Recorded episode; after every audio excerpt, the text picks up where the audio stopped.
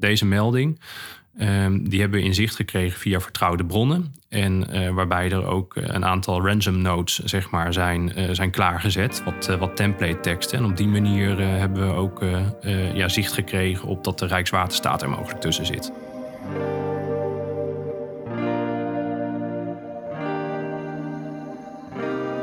Als de grootste storm in tijden op je afkomt, ben je als land in een kwetsbare positie.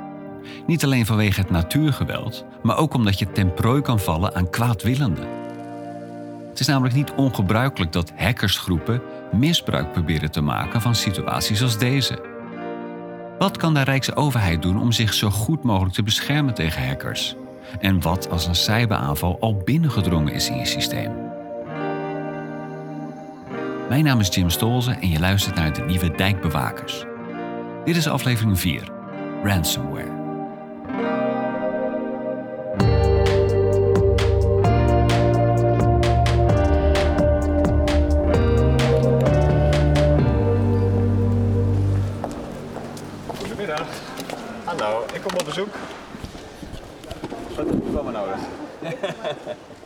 Ik ben bij het NCSC, het Nationaal Cybersecurity Centrum.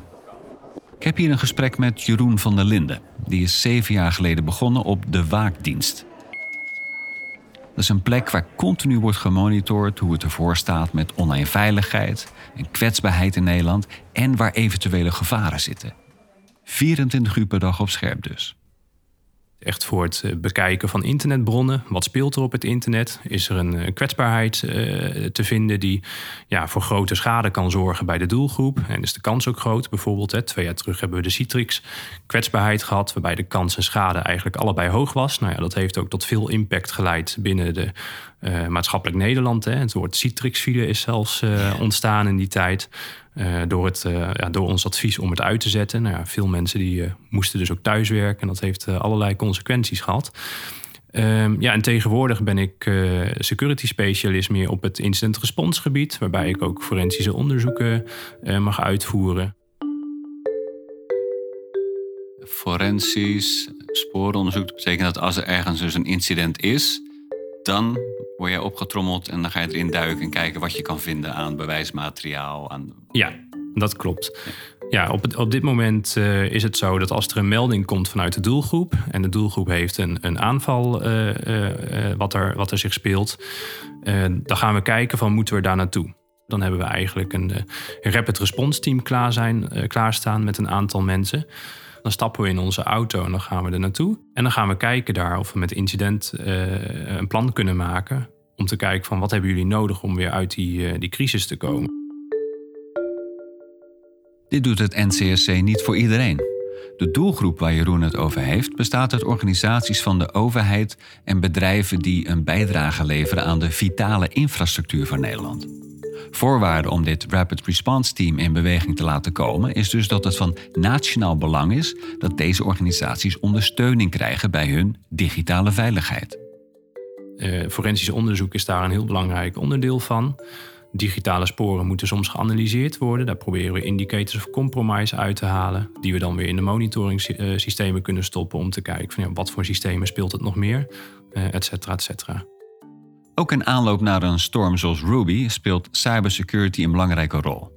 Niet alleen omdat we computerkracht gebruiken om de dreiging van natuurgeweld op te sporen, maar ook omdat kwaadwillenden dit moment kunnen aangrijpen om misbruik te maken van maatschappelijke onrust die door de storm ontstaat.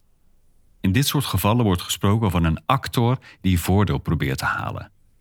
Een situatie die zich ook in het geval van Ruby voordoet. Wat we eigenlijk hebben gezien in de afgelopen paar dagen is dat, uh, dat er een actor is die het gemunt heeft op Nederland om tijdens die storm uh, ja, wat, uh, wat onroer te gaan stoken, zeg maar. Hè. Dus we hebben een actor die, die eigenlijk dit moment wil gebruiken om de impact te manifesteren daarop. Um, dat is een actor die, die uh, zich uit in ransomware. En uh, zij hebben aangegeven dat ze een paar systemen van de Rijkswaterstaat uh, ja, willen gaan besmetten. En dat ze daar ook al eigenlijk positie hebben binnen dat netwerk. Dat is een hele ernstige melding die we gezien hebben en die nemen we dus ook uh, serieus. We hebben contact gezocht met het Rijkswaterstaat uh, om te kijken van... Hè, klopt deze informatie? Zou het kunnen wat daar staat? Kunnen jullie dit spiegelen aan de, aan de realiteit daar? Want dat weten wij als NCSC soms ook niet. Hè? Want we hebben natuurlijk geen toegang tot de systemen bij Rijkswaterstaat zelf.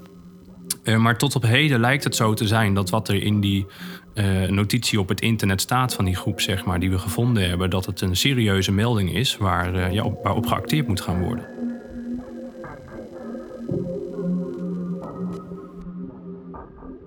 We hebben contact met het Rijkswaterstaat om te kijken van kunnen we daarbij helpen. En uh, op dit moment zijn zij, zijn zij ook aan het kijken van is het één systeem of zijn er meer? wat, wat voor melding is het eigenlijk? Kennen we die, die bron die dat heeft geschreven, et et cetera. Signalen die duiden op een ransomware-aanval terwijl er stormopkomst is. De ideale cocktail om het NCSC erbij te halen, omdat de maatschappelijke impact groot is. Rijkswaterstaat heeft dan ook aangegeven hulp te kunnen gebruiken bij deze aanval, waarvan op dit moment onduidelijk is hoe groot de besmetting is. Jeroen en zijn team moeten nu overwegen of ze in de auto zullen stappen om met speciaal ontwikkelde apparatuur die kant op te gaan. Hoe bijzonder of hoe normaal is het dat zo'n groep, meestal zijn het groepen hackers, dat die online iets hebben aangekondigd door middel van zijn notitie? Ja, je, je, je ziet het vaker. Het, het gebeurt uh, niet altijd.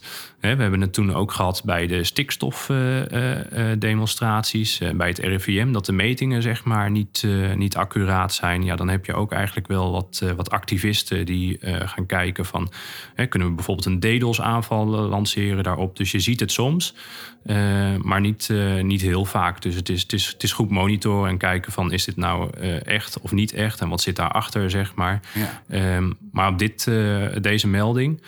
Um, die hebben we in zicht gekregen via vertrouwde bronnen. En uh, waarbij er ook een aantal ransom notes zeg maar, zijn, uh, zijn klaargezet. Wat, uh, wat template teksten. En op die ja. manier hebben we ook ja, zicht gekregen op dat de Rijkswaterstaat er mogelijk tussen zit. Ja. ja.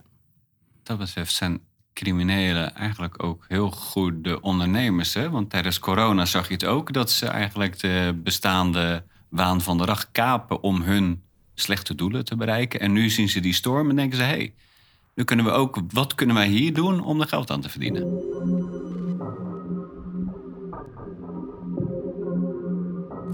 Meestal is het ook opportunisme wat, uh, wat daarbij komt kijken. Als er bijvoorbeeld een, een gecompromitteerde server uh, is die ze kunnen kopen. Hè, dus ze kopen de toegang tot een server van een groot netwerk. Ja, dan is dat vaak al genoeg om bijvoorbeeld een ransomware aanval te starten en zodoende geld te verdienen. Uh, in dit geval uh, is het heel lastig om de intentie zeg maar, van deze groep uh, ja, te achterhalen. Waarom ze nou tijdens die storm ook uh, ja, Rijkswaterstaat willen, willen treffen. Het kan, het kan ook een toevalligheid zijn dat ze er al toegang hadden, bijvoorbeeld. Hè, of, dat, uh, of dat ze daar bijna toegang tot hadden. Dat weten wij ook nog niet. Hoe dan ook, er is toegang. Waarschijnlijk via gegevens die op het dark web zijn verhandeld. Dat is een obscure variant voor een marktplaats. Maar het is dus een hackersgroep die toegang heeft tot de systemen van Rijkswaterstaat en die logingegevens heeft verhandeld. Dit moet verder onderzocht worden door een team dat met koffers en mobiele servers snel die kant op gaat. Dit onderdeel van het NCSC wordt het Rapid Response Team genoemd.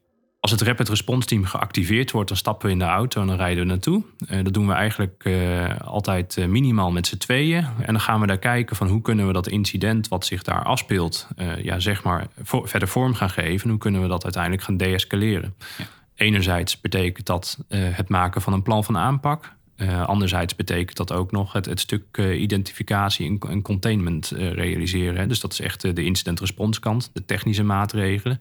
Maar ook de incident handling kant, zorgen dat alles wat er nodig is ja, om die respons te kunnen leveren, dat dat ook gerealiseerd wordt in de organisatie. In het geval van Rijkswaterstaat is de urgentie snel duidelijk. Het blijkt namelijk te gaan om malware. Precies in de software die de juiste waterstanden door moet geven aan verschillende partijen. Het gevaar voor de samenleving is daarom te groot als daar nu iets mis mee gaat. Dat is bijna de belangrijkste schakel in het hele verhaal. Hè? Als, als die niet werkt, dan weten we niet waar we aan toe zijn met deze storm. Ja, voor, eh, dat, daar hebben we ook over uh, geschakeld met, met Rijkswaterstaat. Hè, om te duiden van wat betekent dit nou. En zij geven ook aan dat als die, die waterstanden niet gedeeld kunnen worden met bijvoorbeeld uh, de, de, de mensen die bij de bruggen werken en de delta werken, dat soort dingetjes, dat, uh, ja, dat ze daar hinder van hebben, omdat ze die systemen daar ook niet verder op in kunnen regelen. Maar dat, dat, dat kan het Rijkswaterstaat veel beter vertellen dan ik. Um, wij hebben in ieder geval wel te horen gekregen dat het systeem wat, wat, uh, wat geraakt lijkt te zijn, waar nu dus ook onderzoek naar is, dat dat wel een cruciaal systeem is in, in, de, ja, in de vitale infrastructuur. Um, dus dat heeft er ook toe geleid dat we eigenlijk naar locatie uh, zijn gegaan met twee personen. En dat uh, systeem, wat voor die waterstanden, zeg maar, informatievoorziening uh, zorgt, verder gaan onderzoeken. En we hebben daar ook de sporen van gevonden van een, van een, ja, een kwaadwillende indringer, lijkt het wel. Het is altijd lastig om, om tijdens een onderzoek te zeggen dat de intenties al kwaadwillend zijn. Maar we hebben sporen gevonden van verdrag wat lijkt op ja, het deployen van ransomware.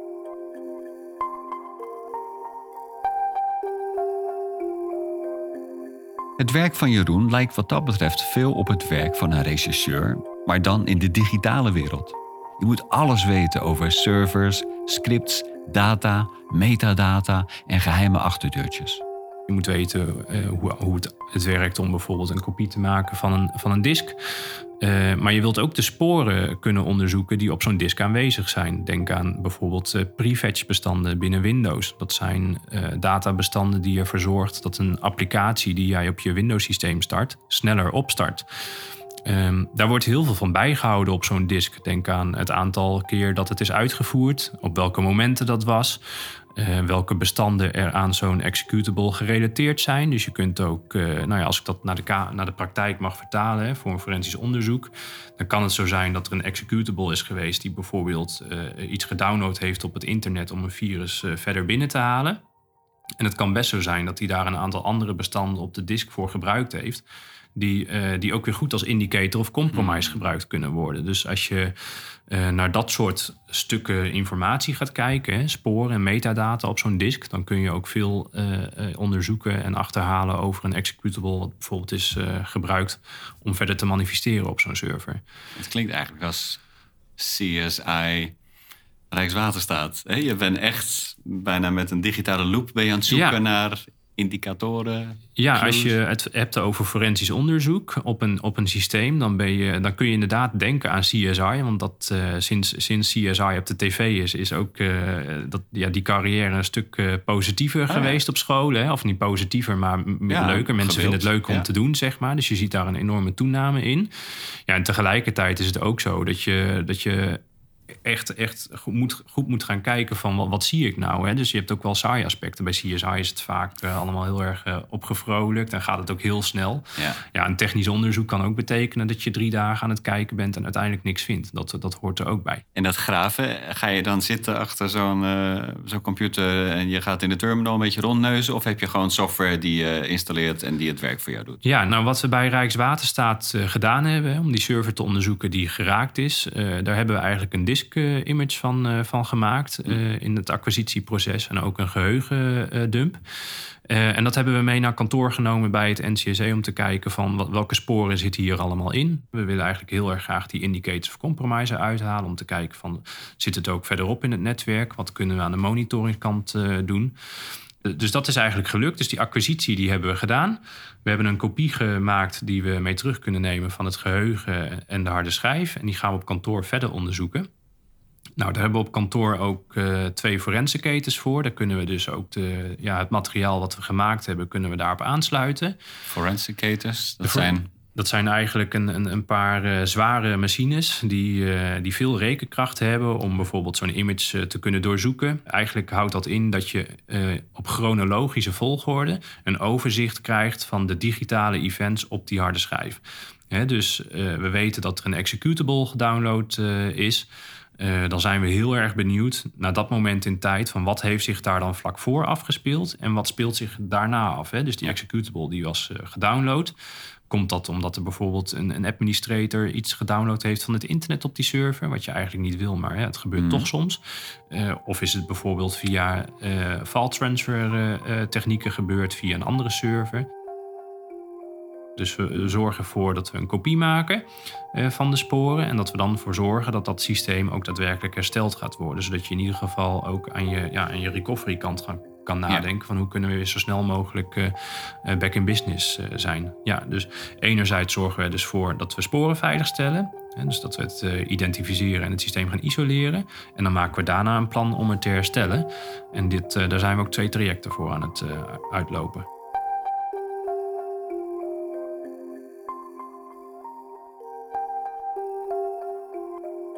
Trajecten waar het NCSC regelmatig oefeningen voor organiseert. Nabootsingen van de werkelijkheid om zo goed mogelijk voorbereid te zijn op een scenario zoals bij Storm Ruby. We hebben vorig jaar hebben we Isidor hebben we gehad. Dat is echt een, een hele grote oefening waarbij ehm, er echt ja, tientallen organisaties meedoen. Ik geloof dat de laatste zelfs al richting de 100 ging, als dat niet meer was. En in zo'n oefening proberen we ook echt door middel van nou ja, wat we ook uh, uh, ja, sommige nieuwsberichten zeg maar, na te bootsen en te simuleren. Dat hebben we met Isidor ook gedaan. Isidor uh, was een oefening waarbij we een casus hebben geoefend hè, door allerlei injects ja, richting organisaties af te vuren. En waarbij we dan ook gingen kijken van hoe doet de organisatie dat dan? Ja, één daarvan was bijvoorbeeld ook voor ons dat we moesten uh, gaan kijken, kunnen we een stuk geheugen zodanig analyseren dat we daar ook beacons uit konden halen voor een actor die gevonden was. Dat is voor ons dus een hele leerzame oefening, omdat we kunnen gaan kijken. We hebben dus een, een, server. Nou, in dat geval bij die oefening was het helemaal niet duidelijk wat voor server het was. Dus dan kon je zeggen aan de voorkant ben je eigenlijk al niet compleet, want je zit al in de techniek zonder mhm. dat je weet waar je, waar je in zit te graven. Maar die server, naar verluid, uh, is die besmet uh, met een bepaalde actor. En die actor die heeft uh, een bepaalde manier van werken. Dat noemen ze de tools, tactics en procedures, de TTP van zo'n actor. kunnen we dat dan identificeren? dus de, een beacon is dan ook een, ja, een stukje software die naar huis belt, als het ware. dat, je, dat je een soort van heartbeat hebt.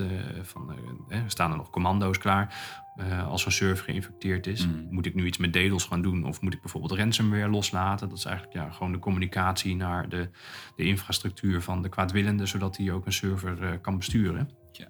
En uh, ja, dat, dat, was dus echt een hele grote oefening. En daar heeft Rijkswaterstaat ook in geoefend. Maar heel specifiek een ransomware casus oefenen.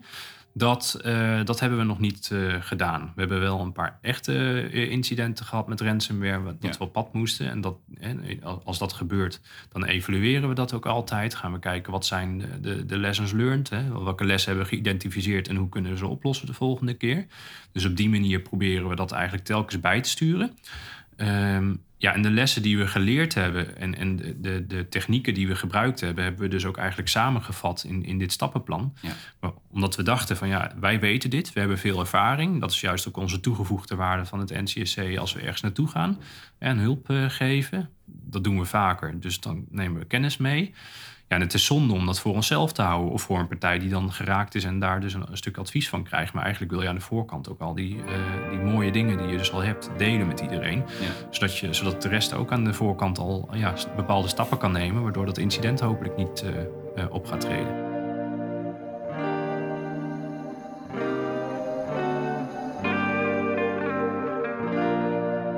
Jeroen en zijn team hebben nu twee prioriteiten: het veiligstellen van de sporen en het herstel bij Rijkswaterstaat. Maar even belangrijk, lopen misschien meer organisaties gevaar? Wat betekent dit voor de rest van Nederland en kunnen we voorkomen dat het zich uitbreidt? Hoe dan ook staat Storm Ruby nu echt voor de deur.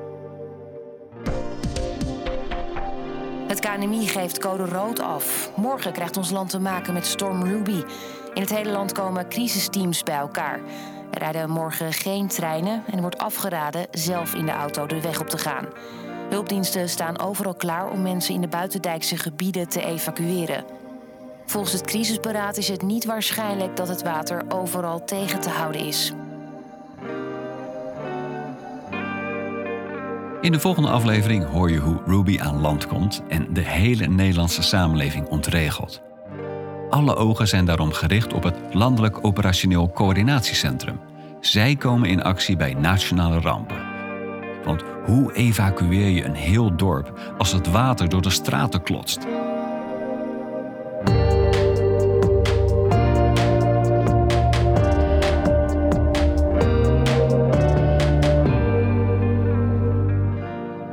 De Dijkbewakers is een productie van het podcastkantoor in samenwerking met de Rijksoverheid. Presentatie wordt gedaan door mij, Jim Stolze, en de muziek die je hoort is gemaakt door Emiel Landman. In deze podcastserie komen IT'ers aan het woord die werken bij de Rijksorganisaties het KNMI, Rijkswaterstaat, het NCSC, het LOCC, DICTU en RVO. Vond je dit een leuke aflevering? Abonneer je dan op de podcast en laat vooral even een review achter, zodat we beter vindbaar worden voor nieuwe luisteraars. Wil jij je IT-skills inzetten voor Nederland? Ga dan naar werkenvoornederland.nl/ict.